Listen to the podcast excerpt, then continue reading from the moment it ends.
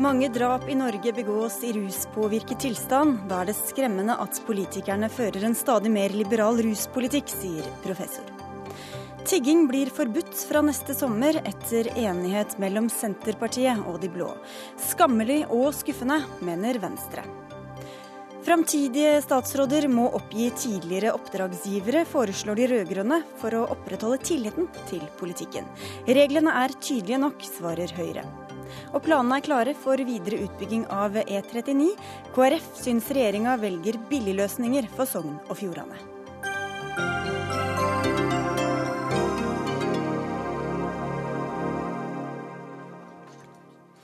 Over halvparten av drapene som ble begått i Norge mellom 2003 og 2012, hadde en gjerningsperson som var påvirket av rus. Det viser NRKs gjennomgang av dommene i disse sakene. Gjennomgangen viser at alkohol var involvert i tre fjerdedeler av alle de 125 drapssakene der gjerningspersonen var ruset, mens narkotika var involvert i omtrent halvparten. Helge Wold, du er professor ved Senter for rus- og alkoholforskning ved Universitetet i Oslo. Hvor representative vil du si disse tallene er for drap og vold i det norske samfunnet? Altså, det er forventet i alle fall. Det er vanskelig å si hvor representativt, men det er forventet. Det er slik vi har opplevd i alle år, og slik alle data viser at veldig mye av aggresjon og vold er knyttet til bruk av rusmidler. Hvorfor er det sånn? Ja, Det er flere grunner til det. En av grunnene er at det er eh, bruk av rusmidler nedsetter kontrollen. Så vi har jo en, en hjerne som styrer impulsene og, og, og, og tankene. Eh, og rusmiddelbruk svekker kontrollen, simpelthen. Det andre er at eh, en del rusmidler kan også provosere fram aggressive pulser. Og noen rusmidler kan skape vrangforestillinger og skjevforestillinger som får folk til å gjøre uplanlagte og bisarre ting. Mm. Nå ser vi at Det var jo alkohol som var mest representert uh, i, i, disse tallene, men det er vel kanskje også fordi det er det vanligste rusmiddelet blant folk? Ja, det er litt den åpenbare grunnen at eh, alkohol er rusmiddel for norske folk, og det er det de går på fylla med, for å si det sånn. Det er det de bruker når de skal ut på byen og, og feste, og det er stort sett også det som drikkes i hjemmene, ikke minst når det er høytider eller andre stunder hvor det er følsomme og vanskelige faser, så er det drikkes det ofte altfor mye. Hvor viktig er den ruspolitikken som føres for mengden alkohol, eh, i dette tilfellet eh, som folk kjøper og drikker? Ja, den er grunnlærdommen i praksis alt all rusforskning er at leilighet gjør tyv. Altså det er tilgjengeligheten som er den viktigste determinanten for hvor mye man bruker av et rusmiddel. Eh, det er to typer tilgjengelighet. Det ene er hvor vanskelig det er å få tak i. Det andre er hvor mange, i hvor mange sammenhenger man støter på drikking, og hvor mange eh, andre mennesker rundt seg det er som drikker. Og disse tre tingene spiller sammen og skaper den viktigste tingen som, som, som bestemmer omfanget av drikkingen og omfanget av rusproblemene. Hva syns du da, med, med tanke på det, på den, om den ruspolitikken som føres i dag? Altså, vi har jo alle år hatt en, en, en, iallfall en alkoholpolitikk som har vært fornuftig i den forstand at man har forsøkt, man visste om disse tingene. og Derfor så bruker man de virkemidlene man har, både pris og andre reguleringer, som gjør at, at det blir mindre tilgjengelighet. Eh, den nåværende regjeringen Eh, har, så vidt jeg kan skjønne Det er ikke helt nytt, Arbeiderpartiet begynte vel også i noen grad med det, men, men eh, for meg ser det ut til at høyreregjeringen og Fremskrittspartiregjeringen spiller ball dette, på dette området. Og prøver å gjøre seg populære ved å bygge ned det de kaller urimelig forbud. Ja, det er i hvert fall sånn at Fremskrittspartiet har eh, lenge ønska en mer liberal eh, alkoholpolitikk. Og Morten Wold, du sitter i helse- og omsorgskomiteen for Frp. Hvorfor vil dere det når vi hører også om disse skadevirkningene? La meg først understreke at de tallene som er kommet fram i dag, er eh, bekymringsfulle. Eh, det er eh, vondt å se at så mange mennesker begår drapshandlinger i rus. Det være seg om de er rusa på alkohol eller andre illegale stoffer, eller i en, i en, i en rusmiks med f.eks. legemidler.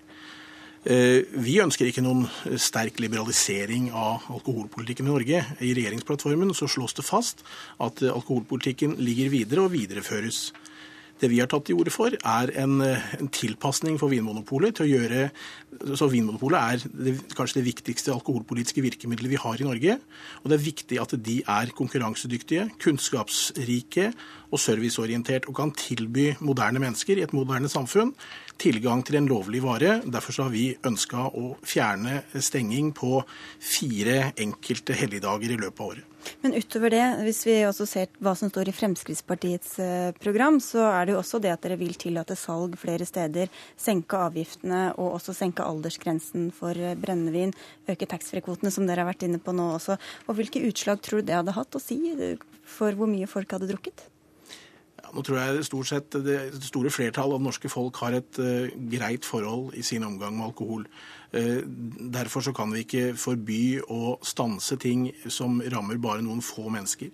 Eh, som jeg sa, Vi ønsker å føre alkoholpolitikken videre. og Den ligger fast i bunnen for regjeringsplattformen. Derfor er det ingen tegn til at det vil bli store endringer på det området.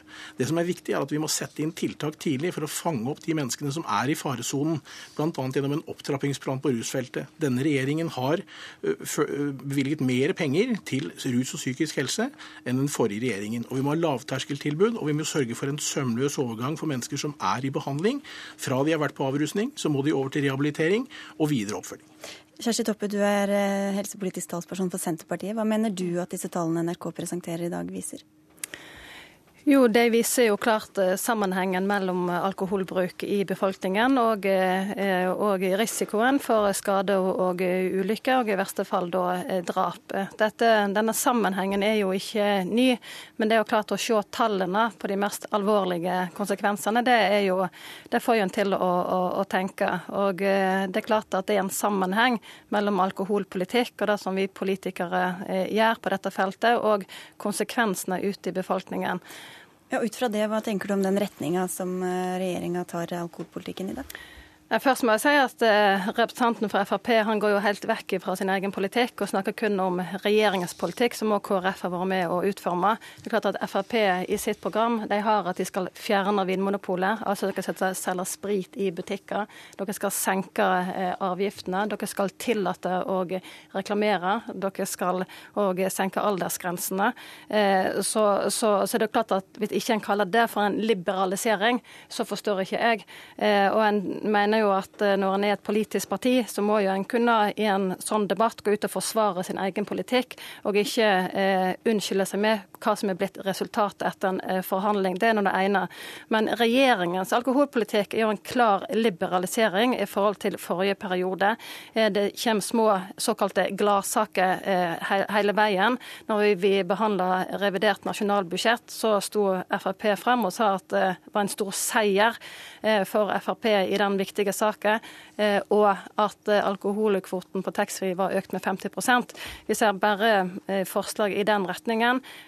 Og når det gjelder helsepolitikk, så syns jeg det er trist at ikke en ser sammenhengen mellom forebygging og, og, resultat. Ja, for Nå var det regjeringsplattformen du snakket om, men hva tror du hadde skjedd da, til mitt spørsmål i stad, hvis dere hadde fått fullt gjennomslag på alkoholpolitikken?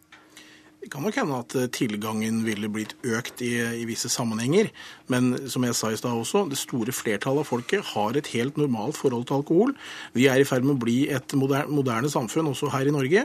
Og vi tror at mennesker klarer å omgi seg eh, med alkohol også i hverdagen. Men nå viser forskningen at noen gjør i hvert fall ikke det, og at det er en klar sammenheng mellom øh, vold og tilgjengelighet. Ja, Noen gjør ikke det. Og, men allikevel så sier jo SIRUS, som er Statens institutt for rusmiddelforskning, at antall åpninger åpningsdager på polet har lite å si eh, for det totale, Men lavere priser og, og, total eh, lettere tilgjengelighet, som dere ønsker, det får jo da konsekvenser? Ja, men jeg, jeg tror at altså, En ting er uh, alkoholrelatert eh, vold, som det jo ble snakka om innledningsvis.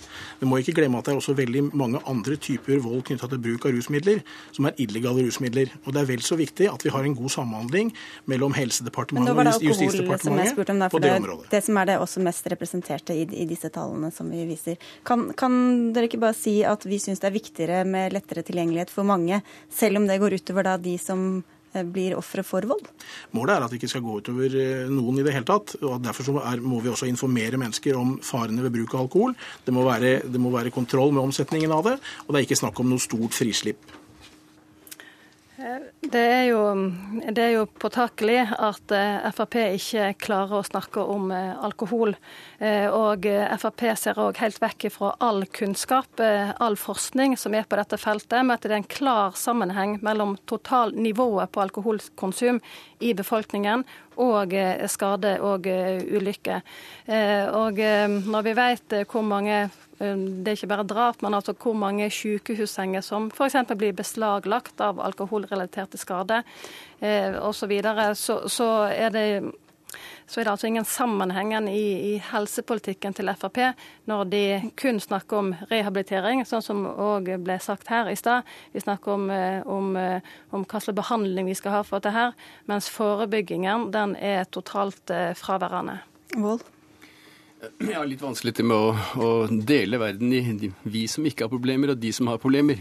I virkeligheten er det en veldig glidende overgang. Og veldig mye av de alkoholrelaterte voldsepisodene, og ikke minst ulykkene vi ser, er helt alminnelige folk som, som kommer opp i pga. Av, av uvettig drikking. Og den uvettige drikkingen er jo en del av det norske drikkemønsteret på mange måter. Vi ser det også i forhold til drikking om kvelden, altså skjenketider, skjenkesteder. Antall skjenkesteder og, og, muligheten til å begrense skjenkingen. Vi ser på sånne symbolsaker som, som, som, som utvidelse av, det, av, skjenketiden på Vinmonopolet, men ikke minst på denne voldsomme økningen vi har i alt som heter taxfree som har blitt en sånn slags folkesport. Man skal ikke reise noe sted før man kan komme tilbake med en eller annen form for alkoholenheter. Og det er jo akkurat eh, med stor respekt jeg hører eh, høyreregjeringen eh, slå mynt på å øke, øke kvot, kvotene ytterligere, og til gjengjeld også da har mindre penger til altså inntekter fra alkoholavgiften. Egentlig burde hele den taxfree-historien er noe forferdelig tøv. Hvorfor i all verden skal man måtte drikke for å ta fly? Det er aldeles tøvete. Det er en debatt for seg selv. Du kan få svare, Vold.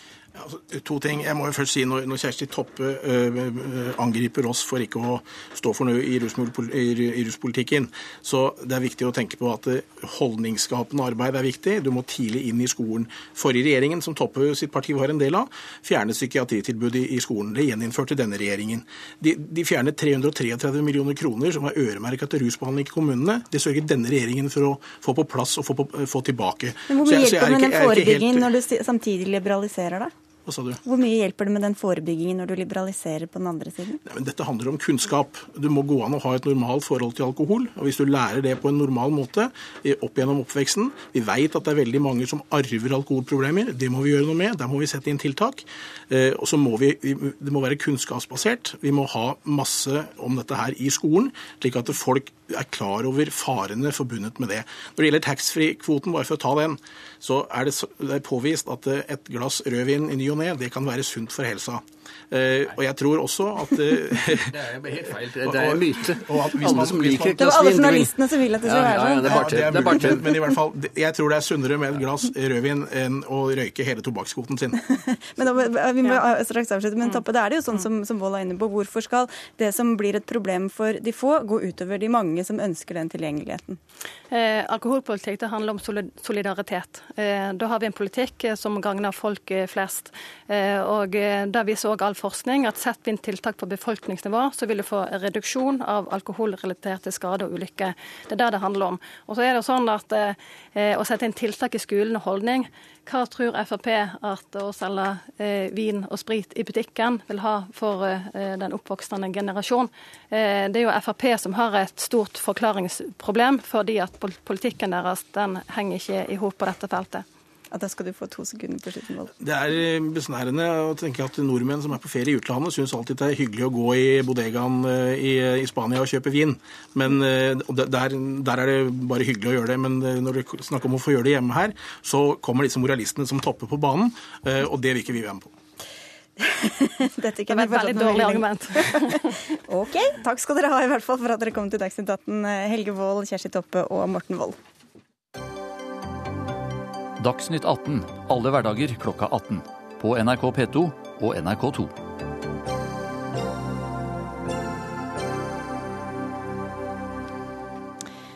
Og snart spør vi hvorfor Senterpartiet vendte seg til regjeringa og sørget for flertall for et forbud mot tigging. Men uh, før det.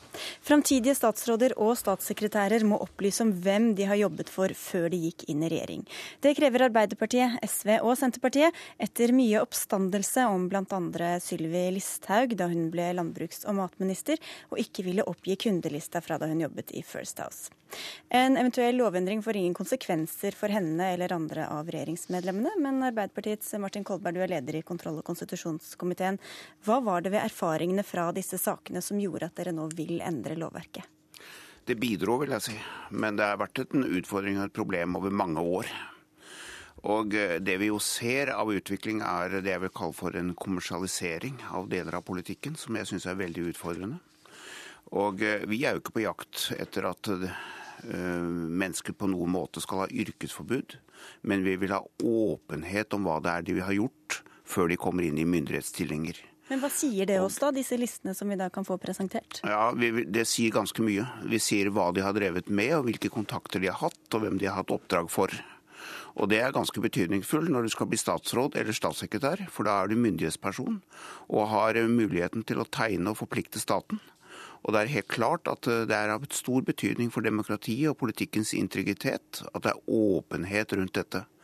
Og Dessuten er det én ting å legge til. det er at Dette vil da kunne rydde opp i noe som eh, også har plaga meg gjennom mange år. Nemlig at politikere blir eh, mistenkeliggjort på urettmessig grunnlag. Altså Det blir spekulasjoner rundt hva det er som har foregått, fordi det ikke er åpenhet rundt hva de har gjort. Slik at dette tjener både den enkelte og det tjener politikkens integritet. Og det er det som er vårt, eh, vår hensikt. Michael Tetzschner fra Høyre, hvorfor trenger vi ikke en sånn lovendring, mener ja, det var jo litt hult å høre. Er det noen som har bidratt til å mistenkeliggjøre f.eks. Sylvi Listhaug, som kom fra en arbeidsgiver som var helt kjent? Det man eh, forlanger, er jo altså man skal ta med seg eh, opplysninger gitt av den forrige arbeidsgiveren eh, om forretningsforbindelser som det, den forrige arbeidsgiveren hadde. Og Dette skal man altså da innføre en lov eh, for. Eh, jeg registrerer jo at Arbeiderpartiet eh, nå har en veldig lavere terskel for hva de finner på av byråkratiske nyordninger og lovregler etter at de er kommet i opposisjon. Og dette er ikke bidrag til å løse noen problemer. Vi har en utmerket lov om, eller mot inhabilitet som gjelder alle, enten man er statsråder eller statssekretærer eller ligningsfunksjonær i en liten kommune. Og eh, det er ikke påvist noe behov for denne såkalte åpenheten, som i virkeligheten skal være skal si, en rapport til staten eller Arbeiderpartiet Eh, som kanskje for noens vedkommende vil gjøre at de betakker seg for å i det hele tatt søke politiske verv. Og, ja. Men jeg må bare høre, Kolberg, ut fra den, de sakene vi hadde både med Listhaug, og det var også flere andre statssekretærer som var oppe i samme problemstilling. Ble vi noe klokere da av de listene vi fikk ut til slutt, eller av de, de opplysningene vi fikk? Ja, Både òg, vil jeg si. Iallfall så fjernes det en del spekulasjon. Men i, i Listhaugs tilfelle Jeg vil nødig egentlig drive og bruke henne bare som eksempel, men i Listhaugs tilfelle, ettersom Tetzschner nevner det, så ble det i hvert fall klart at hun hadde hatt et sterkt engasjement i Drammen kommune, som var hemmelig fram til da, om plassering av sykehuset. Og som hadde attpåtil hadde hatt et engasjement i, i, sammen med tidligere statsråd Bjarne Håkon Hansen som hadde et helt annet standpunkt da han var i regjeringen. Og disse tingene er veldig godt å få opp. Og er jeg, jeg er veldig engasjert i det, på politikkens vegne. At vi får luftet ut slike forbindelser. For det er ikke bra at vi har statsråder eller statssekretærer, eller andre for den saks skyld, som kommer inn i myndighetspersoner, posisjoner om hals, uten at vi vet hva de har gjort før. Og det eh, som Tetzschner sier om habiliteten, det er en god lov, det. Men vi har habilitetsbestemmelsen i dag. Men der har vi altså ikke kommet lenger enn at Lovavdelingen sier at selv om vi har disse bestemmelsene, så behøver ikke Listhaug f.eks. offentliggjøre hva hun har gjort på privat sektor før hun ble statsråd. Da vet vi ikke det. Da ligger det i gråsonen, og dette må vi ha en lov for å rydde opp i. Jeg reagerer på bruken av ordet gråsone. Altså, for da å bruke Listhaug, siden hun var prygelknabe for Arbeiderpartiets mistenkeliggjøring. Eh, viktig i seg selv er en mistenkeliggjøring etter at de da også har eh, sluppet inn eh, Senterpartiet, som har veldig tette næringsinteresser i, i Landbruksdepartementet. Så vil altså noen som da har litt større avstand til landbruksnæringen, de vil altså øyeblikkelig bli mistenkeliggjort. Jeg mener at antagelig er Listhaug mindre inhabil strukturelt enn mange av hennes forgjengere. Og så er det en annen ting, og det er at Det er jo ikke sånn at fordi eh, vi ikke rapporterer alt til staten eller Kolberg eller Norske Arbeiderparti, så, så driver vi og, og, planlegger anslag mot uh, offentligheten. Det er eh, helt legitimt å ha uh, uh, forretningsforbindelse for seg selv, og det er også en tidligere uttalelse fra Lovavdelingen at kundelister det er blant de eh, internopplysninger som kan beholde bedriftsinternt eh, av konkurransehensyn. Og så er det jo også mange som har kjennskap og vennskap som ikke man trenger å oppgi til noen, eh, Kolberg, og som ikke kommer i noe ja, register. Nei, loven sier ikke det. Altså Det forslaget vi har, hvis man leser det nøye, så vil man se at det, i det som nå kalles for forarbeidene, så snakker vi også om kontakter. Og vi snakker også om næringsinteresser. Hvordan skal man skille mellom hvem man skal oppgi? Nei, Det er bare én måte å håndtere det på, og der ligner det veldig på bestemmelsene i habilitetsloven om habilitet og inhabilitet. Nemlig at det må være opp til den enkelte selv å bedømme hva som det er riktig å oppgi.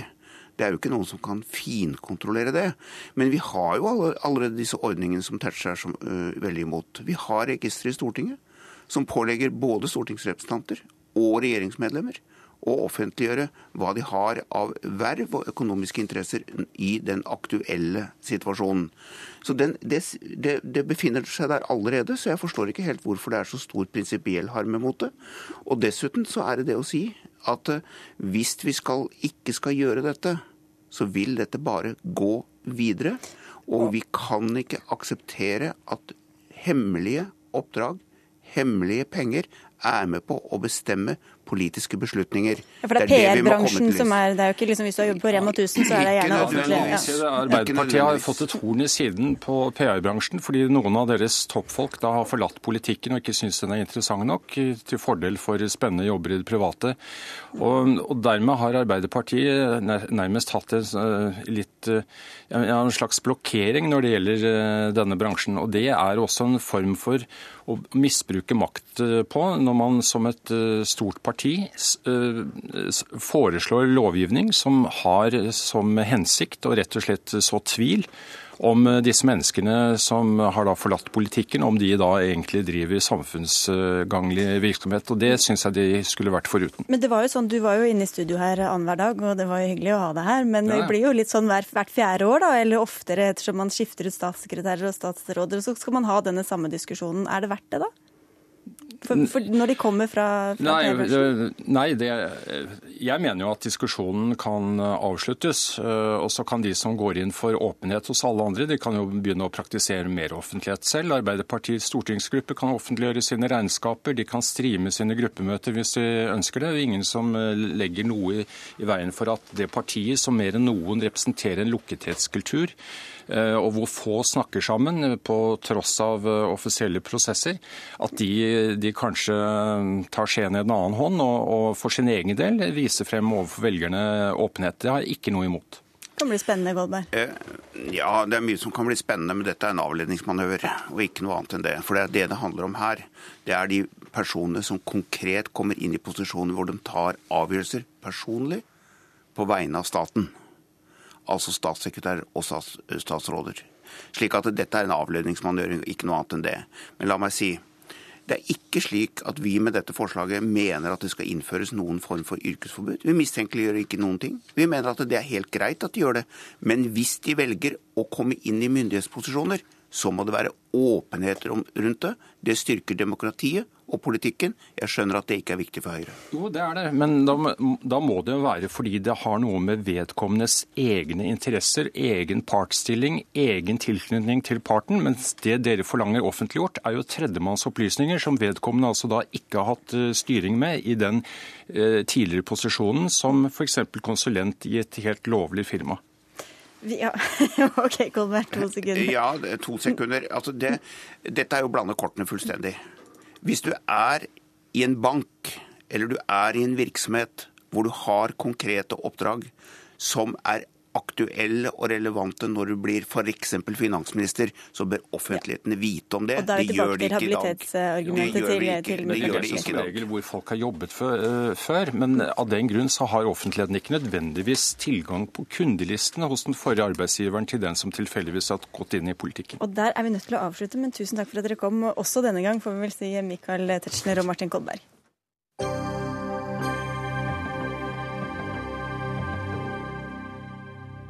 For etter harde forhandlinger med Senterpartiet får regjeringa nå flertall for å la kommunene innføre tiggerforbud. Fra sommeren 2015 vil Høyre, Fremskrittspartiet og Senterpartiet ha tiggerforbud i hele landet. Og Jenny Klinge, hva innebærer denne avtalen dere nå har gått med på? Det det innebærer, det er at det blir mulig for kommunene å få innført eh, forbud i hele kommunen fra, fra sommeren for dem som ønsker å gjøre det. Og så det, kommer det en sak til Stortinget om et nasjonalt tiggeforbud, som, eh, sånn at det nasjonale forbudet kan iverksettes før sommeren i 2015. Og så vil jeg påpeke at en viktig del av dette er også at det blir, eh, det blir klart vist til at dette skal følges opp med sosiale tiltak. Det er knyttet til at vi skal, skal ha mellom annet at midler som blir brukt til EØS-prosjekt i, eh, i enkelte land, som f.eks. Romania, skal målrettes mot det å gi muligheter for, eh, for, folk til å få skole og utdanning. Og likeens også eh, gode sosiale tiltak i Norge for folk her. Likevel er du skuffa i dag, Iselin Nybø, stortingsrepresentant for Venstre. Hvorfor det? Nei, jeg er jo selvfølgelig skuffa når Senterpartiet finner sammen med Høyre og Frp og lager tiggerforbud. Jeg mener at eh, det å sette seg ned på et gatehjørne og stikke fram ei hånd med en kopp i, og be folk som går forbi om hjelp, det bør ikke være forbudt. For dette er også noe som skal gjelde norske narkomane, eller folk som bommer om penger til bussen, Jenny Klinge? Ja, Selvsagt kan vi ikke gjøre forskjell på folk ut ifra etnisitet, det er helt uh, åpenbart. Dette innebærer nå at det blir forbudt å, å tigge, og det er for uh, mellom annet politiet har pekt på at det er et viktig verktøy for også å gjøre det vanskeligere å utnytte andre til å tigge. Det er knyttet til menneskehandel, til annen type kriminell virksomhet, og det er ofte også organisert. Og Da er det grunn til å høre på politiet, som mener at det faktisk vil være et godt Eh, skritt i rett retning også for dem som er utnytta til å tigge, at det blir forbudt. Ja, jeg er jo fra, eh, fra en annen plass i landet, jeg er fra Stavanger. Og jeg, jeg, oppfatter at politiet midt i Stavanger ikke ber om å få dette her. Eh, de mener at de har, eh, de har, de virkemidlene de trenger for å slå ned på den aktiviteten som er ulovlig i dag. Eh, og ønsker egentlig ikke å bruke tid og ressursene sine på å forfølge fattige, fattige folk som lever i stor nød, og som er i Norge for å be om hjelp. De ønsker å bruke ressursene sine på en annen måte. Men det kan jo selvfølgelig selvfølgelig være forskjellig fra Ja, Det tror jeg er litt ulike meninger i politiet. Men mm. Jenny Klinge, hvordan vet du at ikke disse menneskene gir politiet mer å gjøre, da, ved at de begynner å stjele i hvert fall noen av dem i stedet for? Eh, den største økninga eh, av tiggere har nå kommet nettopp fra, fra, utlandet. Eh, det er ikke norske tiggerne som har økt sterkt de siste åra. Sånn at hvis at en, får, en forebygger at folk kommer hit for å tigge, så vil det nå i praksis bli mindre å gjøre for politiet. All den tid mye av tigginga også er knyttet til annen type kriminell virksomhet. Men tror du folk slutter å komme hit fordi det er tiggeforbud, da? Ja, det er absolutt grunn til å tro det hvis politiet håndhever det forbudet. Ja, altså jeg er mest opptatt av det at eh, her snakker vi om Europas aller fattigste. De som lever i den største nøden. Eh, og så kommer vi til vårt eh, rike hjørne av verden. Eh, og det må vi tåle å se. Vi må tåle å få det tett på oss selv om det er ubehagelig. Og det å da si at det skal være forbudt å be folk i Norge om hjelp, det å si at det å be om penger skal være forbundet med en eller annen form for straffereaksjon, eh, det, det syns jeg både er unødvendig og litt sånn sånn hardt, egentlig. Men, men, hvis det fører til at flere folk kommer hit, da, hvor god løsning er det for dem selv også? At de skal komme hit og sitte på et hjørne og leve også her under kjempefattigdom? Nei, det er jo klart det er jo ingen god løsning for noen å måtte tigge. Eh, og Derfor er jeg jo glad for at det i alle fall ligger noen sosiale tiltak her. Eh, og jeg tror ikke det er noen sånn quick fix eh, på den store nøden som, som, deler av Europa ser. Jeg tror vi har nødt for å hjelpe dem både der de er, eh, og de som kommer til Norge må vi hjelpe her. Men vi må huske at vi snakker om folk i stor stor fattigdom. Og det å kriminalisere folk som ber om hjelp, det er heller ikke noen løsning på et stort fattigdomsproblem. Det er viktig å presisere at det er andre måter eh, å hjelpe folk på som er langt langt bedre enn å la dem sitte i ti minusgrader på asfalten og tigge. Eh, sånn Men hvor viktig er det at vi liksom slipper å se dem, da? Nei, det er ikke en eh, irrelevant del av det. Altså Det at det er en del av, eh, tiggere er en del av eh, bybildet, sånn er det. Det har nå vært en del eh, omtaler. Men for min del så er det viktig å presisere at her er det snakk om fattige folk. Det er folk som er i en vanskelig situasjon. Og dessverre så er også mange tvinga til å tigge. Og for å sørge for at det blir mindre av det, og mindre av kriminalitet knyttet til tigging, så er et nasjonalt forbud den eneste veien å gå. Men hva, hva skal de narkomane gjøre, da, som sitter og tigger i dag? Der er det nå helt åpenbart at vi er nødt til å målrette de sosiale tiltakene, slik at de har mulighet til å få seg bolig, eh, helst også mulighet til, til arbeid, og i alle fall verdigere liv. Det er det, Staten må gjøre en innsats for dem uansett. Og heller ikke der er det det ultimate sosiale sikkerhetsnettet som skal være å tigge. Mm. Sånn kan det ikke være i et velferdssamfunn. Og Hvordan er det tenkt at politiet skal håndheve dette tiggeforbudet? Det blir nå mest i praksis ved, ved bøter. Det vil også være mulig å gi fengsel, men eh, jeg vil se for meg at det er bøter som er hovedsaken. Ja, Det virker jo litt som en eh, dårlig idé at de som er de aller fattigste i Europa, som kommer her til for å be om penger, har nødt for å bruke de pengene de eventuelt eventuelt måtte få på å betale en bot eh, fordi at de satte seg ned og, og tigde?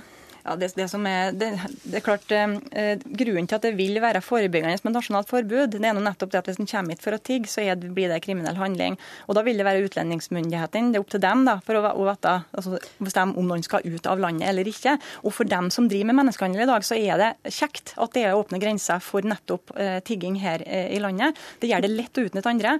Og et nasjonalt eh, forbud vil, som jeg sa, være forebyggende eh, mot det her. Vet du det? Klart det vil det. Det, det sier seg sjøl så lenge som politiet håndhever det. Det krever det. Men hvis en ser til Danmark, der de har innført et nasjonalt forbud, så viser det tydelig at det virker forebyggende. Jeg syns det er kjempeviktig å ta tak i det som er problemene rundt dette her. Eh, og problemene er ikke at folk setter seg ned på gata og ber folk om hjelp. Problemet er hvis det er menneskehandel.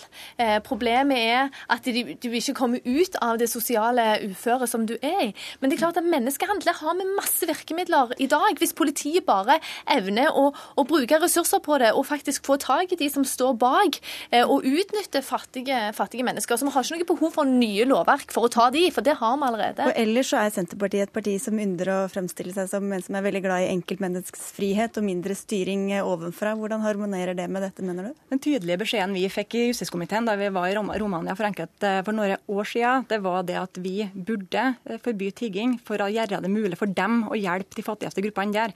Nå er det slik at foreldre reiser til Norge og sitter og tigger, mens småungene er hjemme og passer sine småsøsken. Det er ikke en god måte å hjelpe folk på. Men hvis de selger en rose eller selger tranpiller, da er det greit? Det er spørsmål. Det er en del eh, ganske fæl eh, trekkspillmusikk som vi ikke forbyr, for så vidt. Det er en helt annen dimensjon ved det. Det koker ned til at her er det et, eh, en enighet mellom regjeringspartiene og oss som gjør at det blir mulig med et nasjonalt tiggerforbud fra neste år. Og det er vi selvsagt glad for. Og det som vi er aller mest glad for, det er at det blir knyttet til de sosiale tiltakene som jeg har nevnt. Ja, altså jeg er jo mot eh, tiggerforbud, enten det er lokalt eller nasjonalt. Men jeg ser for meg nå at vi i nærmeste framtid vil få noen stygge og harde debatter lokalt som både blir blåst opp i forhold til hvor stort problemet egentlig er, og som jeg syns er egentlig helt unødvendig å måtte ta i, i kommunestyrene rundt omkring. Vi fikk i hvert fall startskuddet her. Takk skal dere ha for at dere kom, Jenny Klinge fra Senterpartiet og Iselin Nybø fra Venstre.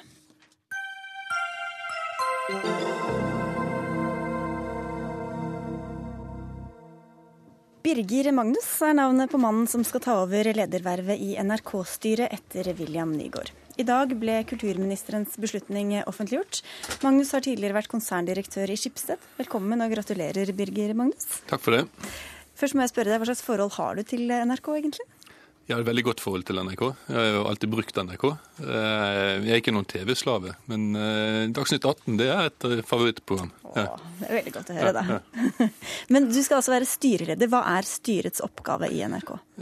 Styrets oppgave er å utfordre administrasjonen og også være korrektiv til, til administrasjonen. Men styret skal ikke gjøre jobben for administrasjonen. Nei. Men hva betyr det, da? Hva er det dere gjør? Det betyr at vi, vi, skal diskutere med administrasjonen eh, litt Admi mer Administrasjonen, det er Det er, det er kringkastingssjefen og hans eh, lederteam. Eh, vi skal diskutere med dem de lange linjene. Hvor er det NRK skal bevege seg. Og nå blir jo De lange linjene de blir jo kortere og kortere, for ting skjer så veldig hurtig.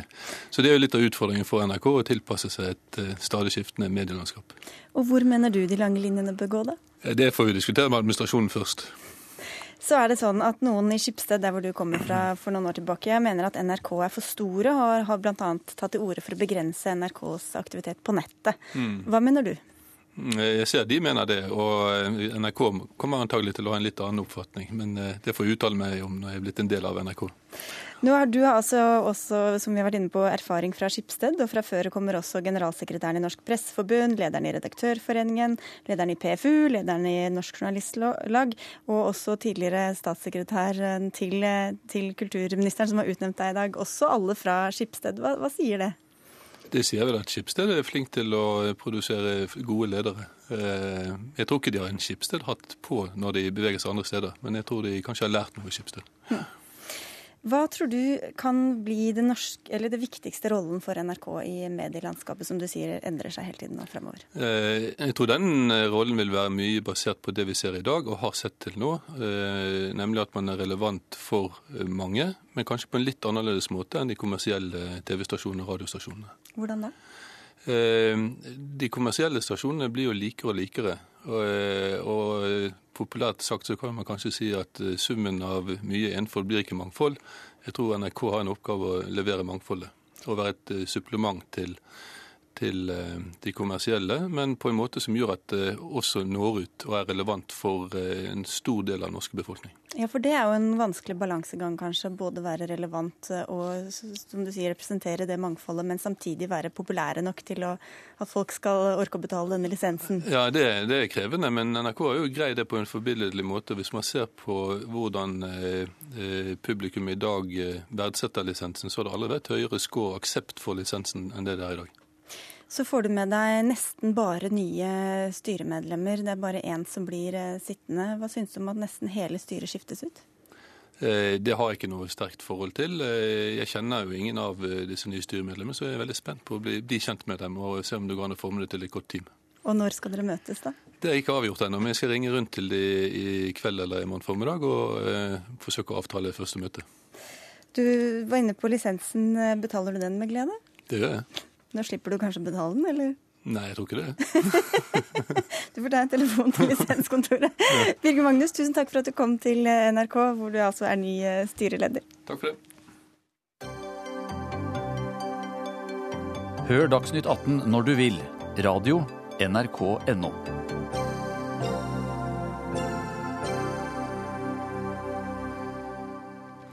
Og snart her i Dagsnytt 18 spør vi om eh, regjeringa forskjellsbehandler vestlandsfylkene, men først til spørsmålet om hvordan å legge til rette for privat eierskap.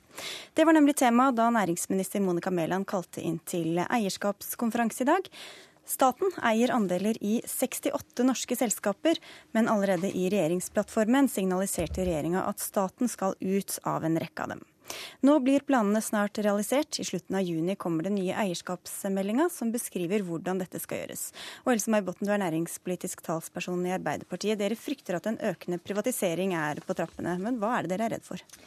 Altså det vi ser, det er jo at eh, en rekke selskap skal selges ut. Hvis vi skal følge det Høyre og Frp har sagt tidligere. De har jo hatt en lang rekke med utsalgsselskap. Og vi ønsker å opprettholde statlig eierskapet på det nivået som det er i dag. For vi mener at det er viktig at staten er en aktiv eier i forhold til strategiske, viktige næringer. For det handler om å skape verdier, det handler om å ha eh, gode arbeidsplasser. Det handler om eh, en innovasjon og en utvikling av norsk kompetanse og arbeidskraft. Hvilke selskaper er det du frykter for, da? Nei, altså Vi vil jo se først hva som kommer her nå. Eh, og jeg, jeg, tenker jo som så at Vi kan liksom ikke male fanden på veggen og tenke at nå kommer det store grep her. Men det er jo det de har sagt før de kom i regjering. Og de sier også nå at eh, det private eierskap skal mer inn. Eh, og utsalget står for dør. Så nå er det ei uke igjen, eh, og vi er veldig spent på hva det er som skjer der. Da er vi veldig heldige som har deg med oss, da, næringsminister Monica Mæland. Skal du fortelle hva dere skal komme med?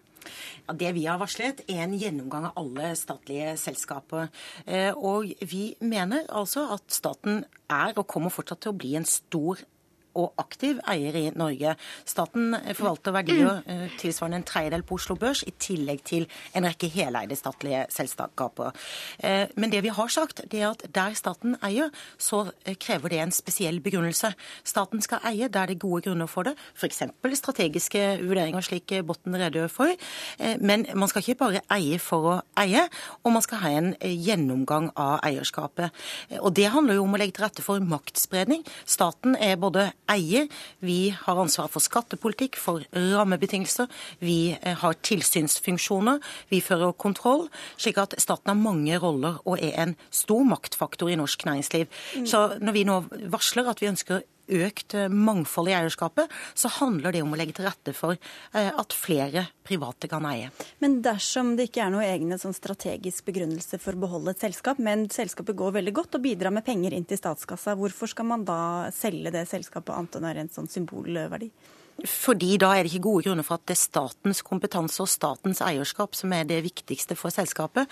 Eh, og så må jeg bare si, fordi i dag har jeg lest at vi har en aggressiv tilnærming, og for noen måneder siden så påsto Botten at vi skulle selge alt på, på billigsalg i januar. Det er jo ikke sånn det foregår. Nei, det er jo ikke sagt. Vi, vi, har, eh, vi har anledning til å selge eh, oss ned i noen selskaper. Det jobber vi med. Entra er et eksempel. Der har jo Arbeiderpartiet vært helt enig. Det som er litt pussig, er jo at når Arbeiderpartiet i sin eierskapsmelding for noen år siden var varslet at det ikke var gode grunner for at staten skulle være eier, så var det godt begrunnet. Når eh, regjeringen nå varsler at det kan bli aktuelt for flere selskaper, så er det altså ikke godt begrunnet. Ja, jeg vil jo bare si det at eh, For det første så er jeg veldig opptatt av at når staten eier bedrifter, så må den være både profesjonell eh, og, og, og, på en måte ta sitt ansvar. Og Når du ser hvordan regjeringa nå eh, håndterer de ulike grepene som de allerede har gjort, så vil jeg ikke kalle det profesjonelt.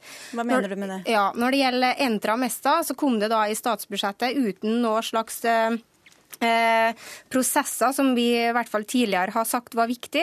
Det var bare beskjed til Stortinget om at nå skal vi selge det her. Og da var det, et, altså det 100% eide bedrifter som da plutselig skulle selges helt ut. Det er vi rett og slett imot. Og nå ser vi i forhold til revidert nasjonalbudsjett som ligger Da er det plutselig ekstraordinært utbytte fra Statskog som plutselig skjer over natta, som ikke er på en måte en dialog på. Det skal liksom jeg tror nesten ikke vi skal oppleve at Men hva er begrunnelsen for at staten skal eie visse selskaper og ikke andre, da? Ja, altså når vi, når vi har, ja det, jo, det, er jo et veldig bra spørsmål. Jeg tenker at Vi har jo levert to stortingsmeldinger i forhold til statlig eierskap og gått gjennom det grundig. Nå er det bare to år siden sist, og nå kommer det en ny runde. Eh, og Da skal vi jo få kna argumentasjonen eh, veldig godt i forhold til hver enkelt av de bedriftene også nå. Eh, men jeg er opptatt av å, å bevare det på det, det, nivået som vi har i dag. Og jeg syns det er feil å drive utsalg eh, på det her. Ja, det er ideologisk begrunna, bare. Nå driver vi jo ikke noe utsalg. Vi fikk uh, fullmakt til å selge oss ned i Entra før jul. Det er en sak vi jobber fortsatt med. Vi jobber grundig. Altså det er eiendomsselskapet. Men ja. prosessen vi, vi, i forkant jobber... var jo ikke politisk i det hele tatt på Stortinget. Det det, det, ja, den er jo i høyeste grad politisk når vi leverer et spørsmål om fullmakt fra en mindretallsregjering i statsbudsjettet statsbudsjettet og få vedtatt det i Stortinget, så har det selvsagt vært en, en prosess. Eh, når det er sagt, så er det jo slik at den eierskapsmeldingen som den rød-grønne regjering la frem for noen år siden, der står det svart på hvitt at det ikke er gode grunner til at staten skal være en langsiktig eier i Entra. Det gjør vi noe med. Og så er det jo sånn at det nivået som de rød-grønne bestemte at var riktig, ikke nødvendigvis er det i dag. Så vi gjennomgår eh, vårt eierskap. Vi mener at statlig eierskap kan være veldig bra og veldig riktig, men det skal en spesiell begrunnelse til. Staten skal ikke bare eie for å eie. Det er viktig å få med flere private eiere. De har egen kompetanse, de har et eget insentiv for å eh, øke verdiene i selskapet. Nå har jeg et viktig spørsmål til statsråden før, eh, før, vi går videre. og det er at Hun er veldig tydelig på at man skal selge seg ned og gjerne selge seg ut. Men er det nå eh, man ønsker å kjøpe seg opp i? Altså Vestlandet har jo vært på besøk på ditt kontor her, skjønt, fra Høyre og sagt at de ønsker at eh, statlig eierskap også bør eh, bli litt eh, tydeligere på Vestlandet. Har man, ja, har man planer? Ja. Så vidt jeg har registrert, så har Bergen Næringsråd kraftig gått tilbake på det utsagnet i Dagens Næringsliv. Jeg fikk heller ikke eksempler på selskaper som staten burde kjøpt seg opp i. Vi prøvde å få en debatt om det her i Dagsnytt 18, det gikk ikke så bra.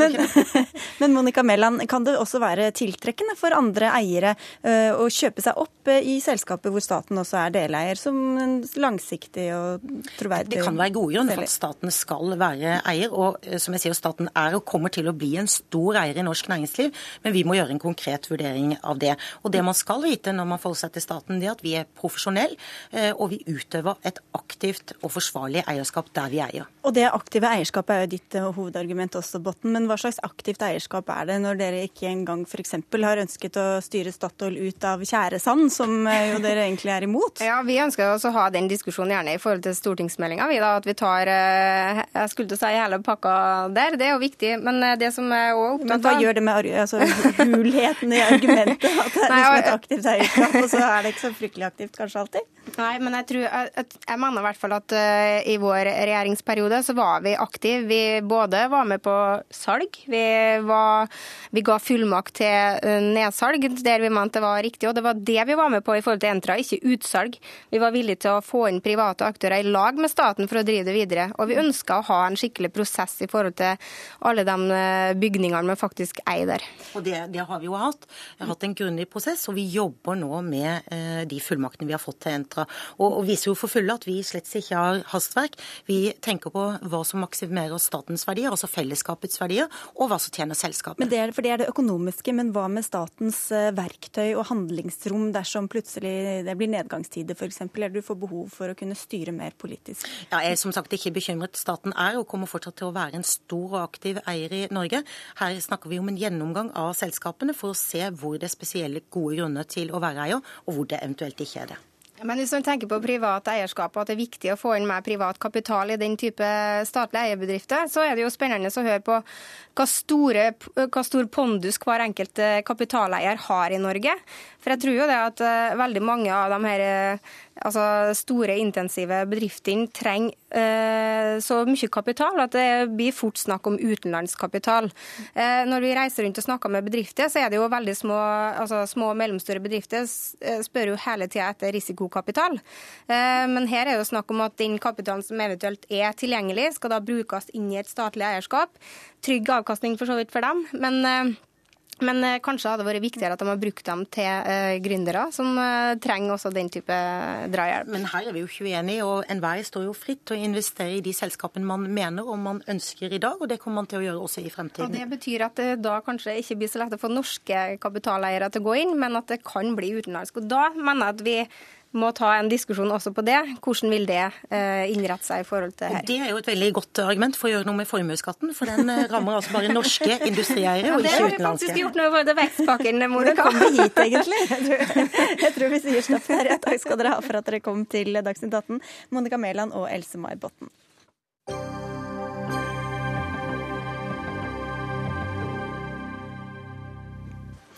I går falt foreløpig siste avgjørelse i prosjekt Ferjefri E39. På grensa mellom Sogn og Fjordane og Møre og Romsdal har det stått mellom to alternativer. At veien skal gå fra ferjeleiet Anda-Lote i Nordfjordeid til Volda, det såkalte midtre alternativ eller om veien skal krysse fjorden ved Stryn, for så å kobles på Kvifsvegen mellom Horningdal og Volda. Det såkalte indre alternativ. Eh, og Det er altså dette alternativet dere gikk for, Jon Georg Dahl, du er statssekretær i Samferdselsdepartementet. og Hvorfor falt dere ned på det? Nei, eh, La meg først si at det var to veldig gode alternativ vi valgte mellom. og Det gjorde at denne prosessen har tatt litt lengre tid enn vi først håpte på. Men når vi velger å gå for det indre alternativet nå, så er det tydelig fordi at disse prosjektene er omtrent like gode. Eh, men på regionale effekter, på andre effekter. Men samtidig så er investeringskostnadene omtrent halvparten av det eh, midtre alternativ faktisk vil være. Supplert av at Stortinget har vært veldig tydelig på det tidligere at E39 skulle gå om Kvivsveien. Så Det er også føringer som Stortinget har gjort når en starta på Kvivsveiprosjektet. Nå på lørdag skal en åpne Hjartåberget som er siste del av byggetrærne der. og Da har en brukt nesten to milliarder kroner på den traseen som en nå har valgt at E39 skal gå i. Ok. Eh, Alfred Bjørlo, du er ordfører for Venstre i Eid kommune, som altså ikke får eh, erstattet eh, ferje med bru. og Hva syns du om det? Nei, Jeg synes det er utrolig skuffende. Eh, det er ellers ikke rett det statssekretæren sier, at nytta av disse prosjektene er lik. Nytt nytten av det midtre alternativet er svært mye høyere enn eh, det indre, rett og slett fordi det går midt i regionen. Det binder sammen langt flere folk. Eh, det har en høyere investeringskostnad, men regjeringa har sjøl fått lagt fram dokumentasjon i form av kvalitetssikring som viser at den nytten kan regnes hjem og mer enn det. Og I tillegg kommer alle effektene med det midtre alternativet i form av regionbygging. Du kan legge ned to ferjer. Det er dokumentert fra de samme forskerne som regjeringa har lytta til i trasévalget med Romsdal og Hordaland, at det gir klart størst effekt for næringsliv og, og regionutvikling. Og det er klart at Når vi nå har jobba i årevis her med å dokumentere at effektene er størst av det midtre alternativet, og så sitter statssekretæren her i dag og sier at nei, vi valgte det indre fordi det var billigere og fordi Kvivsveien har gått der fra før, Da er det klart at da føler en seg litt, for å si det mildt, litt matt og litt lurt. Sannheten er at en har lagt helt andre kriterier til grunn i Sogn og Fjordane enn i resten av vestlandsfylka, der en har investert i utvikling og vekst. I Sogn og Fjordane har en valgt det billigste. Og hvis det var det en ville hele veien, så kunne en ha sagt det med en gang og ikke brukt et halvt år på, på å finne ut at en egentlig bare vil spare penger i Sogn og Fjordane. Ja, Vi har gjort grundige analyser, og grundigere analyser enn eh, vi først la opp til. Nettopp for å se hva slags effekter de ulike trasévalgene gir. Det har en positiv regional effekt at en allerede har bygd sammen Sunnmøre og Indre Nordfjord gjennom Kvivsveien. Den første, eh, effekten vil vi få forsterka gjennom det indre alternativet som nå er bygd. Og så skjønner jeg veldig godt at Alfred Bjørlo som ordfører i Nordfjordeid er skuffa. Det skulle bare mangle. Vi har hatt grundige prosesser der også disse kommunene eh, som er berørt av det andre alternativet, har fått presentert sine syn. De er veid, og det er ikke slik at det er entydige konklusjoner verken fra kvalitetssikrer eller fra Statens vegvesen på hva som er det beste alternativet. De er nokså like på veldig mange områder. og Derfor sier vi at investeringskostnaden ble utslagsgivende. Du skal få slippe til, Bjørlo, men du skal ha en, en tredjeperson her som også er skuffa. Knut Arild Hareide, du leder ikke bare KrF, men også transportkomiteen på Stortinget.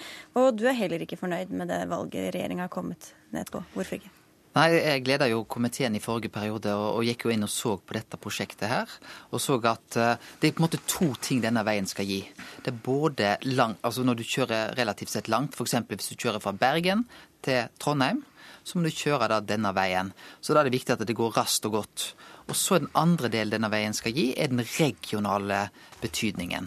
Og nå har altså da regjeringa hatt tre prosjekt til vurdering.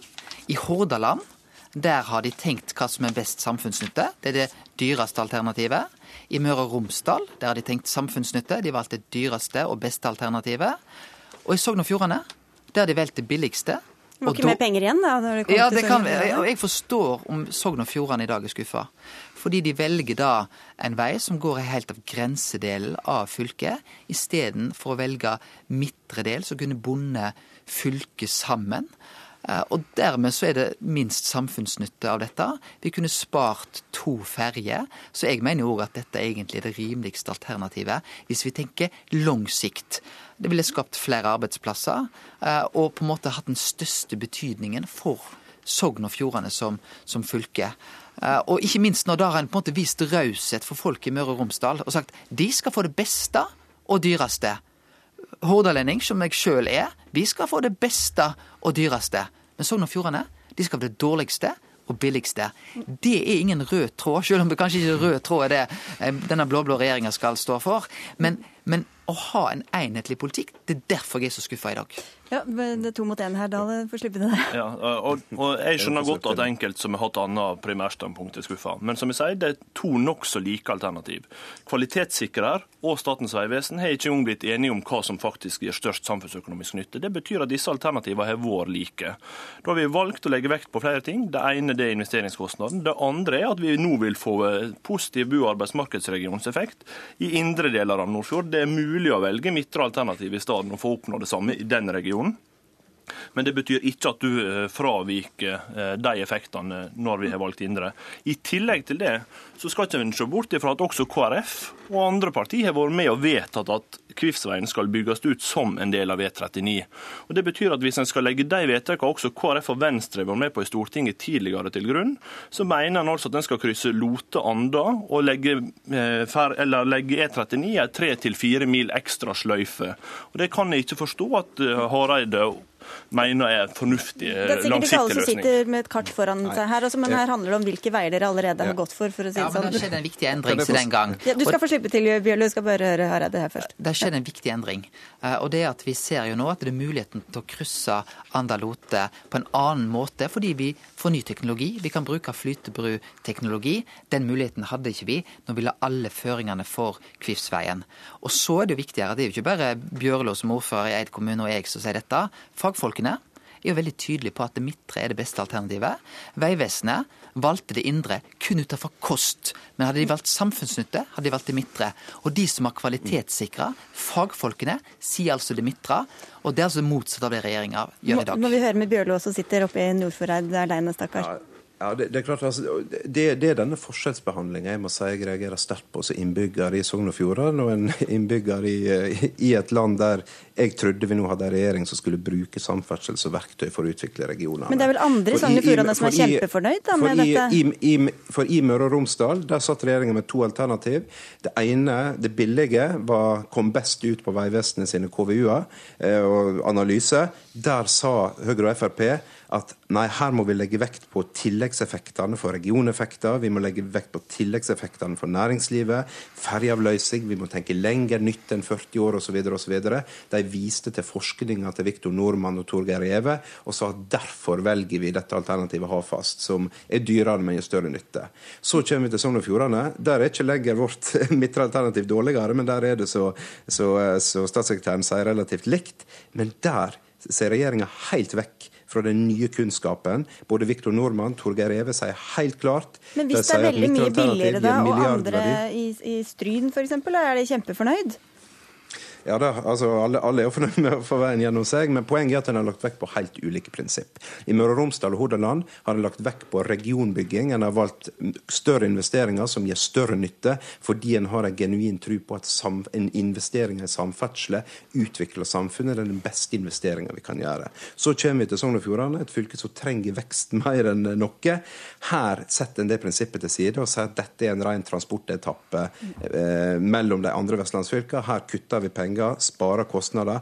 Her velger vi det billigste, på tross av at Torgeir Reve og BI, eh, Viktor Nordmann og Handelshøyskolen, regjeringa sine egne kvalitetssikrere, eh, en samla beredskapsetater i, i disse fylkene sier at det er midtre alternativ som gir fart på utviklinga. Det gir milliardverdier ekstra for samfunn og næringsliv, mm. men det skal vi ikke gjøre i Sogn og Fjordane, for her skal vi bruke penger. Og jeg tror programlederen var farlig nær sannheten i Bjørnsen her, om at pengene nok kanskje var brukt opp når en kom til Sogn og Fjordane. Eh, da, da var det på tide å spare. Hvorfor har dere vurdert så forskjellig da, fra de ulike fylkene? Nei, det er fordi at det som rapportene nå viser, er jo f.eks. at K7, eller unnskyld, K6-alternativet, som er midtre linje, K10-alternativet, som er indre, kommer omtrent likt ut på samfunnsnytte. Det er også de nye rapportene som vi henta inn etter vi var på synfaring i regionen. Hvorfor tolker dere disse liksom, forskningsrapportene så ulikt? Men, men, men, men, statssekretær, du vet veldig godt at når, det, når, du sier det, så har en ikke tatt hensyn til de tallene som Viktor Nordmann, Torgeir Reve og andre har på tilleggsverdien for regional utvikling. Okay, så det er på lang sikt da, som du snakker om? Avgjørende ja. vekt på, på i Sunnmøre. Der ble det åpent argumentert for at det var de tilleggseffektene. Men nå må Dale få snakke ut her om kostnadene på lang sikt kontra på kort sikt. Men Bjørlo vet inderlig vel at vi faktisk har gjort en ganske grundig jobb i å hente inn analysedata på dette. Vurdert, eh, fått inn nye vurderinger som ikke var gjort tidligere har beregna på effekter utover de 40 åra som har vært praksis. Vurdert effekter helt opp til 70 år, hvordan det slår ut. Og, og Sannheten er at midtre alternativ og indre alternativ slår relativt likt ut. Så jeg kan godt si at det er tilleggsnyttevurderinger. De er i stor grad oppfanga i det analyseverktøyet som heter samfunnsøkonomisk nytteanalyse vi har i dag. Og Derfor har jeg sagt når alt annet jevnt over er likt, og vi har allerede investert to milliarder, da er det unødvendig å bruke fem milliarder kroner ekstra for en ny løsning. Når vi velger den type veier, så det er alltid noen som er skuffa, og noen som er glad. Det var noen som var skuffa i Hordaland, det var noen som var skuffa i Møre og Romsdal. Poenget er jo at de som er skuffa i Sogn og Fjordane, har virkelig grunn til å være det. Fordi der har han altså valgt det billigste og dårligste alternativet. Men hvis man velger det dyreste i alle andre yrker, er vel ikke det noe argument for å bruke enda mer penger i et tredje fylke? Poenget er at eh, hva har størst samfunnsnytte? Så hvis du legger seks milliarder på bordet, og får ti igjen, så er det et bedre regnestykke enn om du betaler fire milliarder og får bare tre igjen. Så det er på en måte hvordan en ser på dette. Og det er der jeg sier at vi politikere er ikke så interessante. Det er egentlig hva fagfolkene har sagt der. Og, og, og, de har altså sagt at regjeringa i dag har vært feil. og, et tilleggspoeng her er, er jo at Hadde de hatt rett i det, at det faktisk var slik at det var entydige svar, så hadde de jo hatt et poeng. Men det er jo ikke det som er tilfellet. Poenget er at Statens vegvesen ja, kjempe. Ja, du har nevnt Torgeir Reve og Handelshøyskolen. Jeg er redd vi rett og slett må avslutte. Vi kan i hvert fall konkludere med at ingenting eh, som er så opphissende som en god samferdselsdiskusjon eh, på tampen her. Knut Arild Hareide fra KrF, Jon Georg Dale fra Fremskrittspartiet og Alfred Bjørlo eh, ordfører i Eid kommune fra Venstre. Takk skal dere ha for at dere kom til Dagsnytt 18, som nå er slutt for i dag. Det var Bjørn Atle Gildestad som var ansvarlig for sendinga, teknisk ansvarlig Lisbeth Sellereite, og jeg heter Sigrid Solund.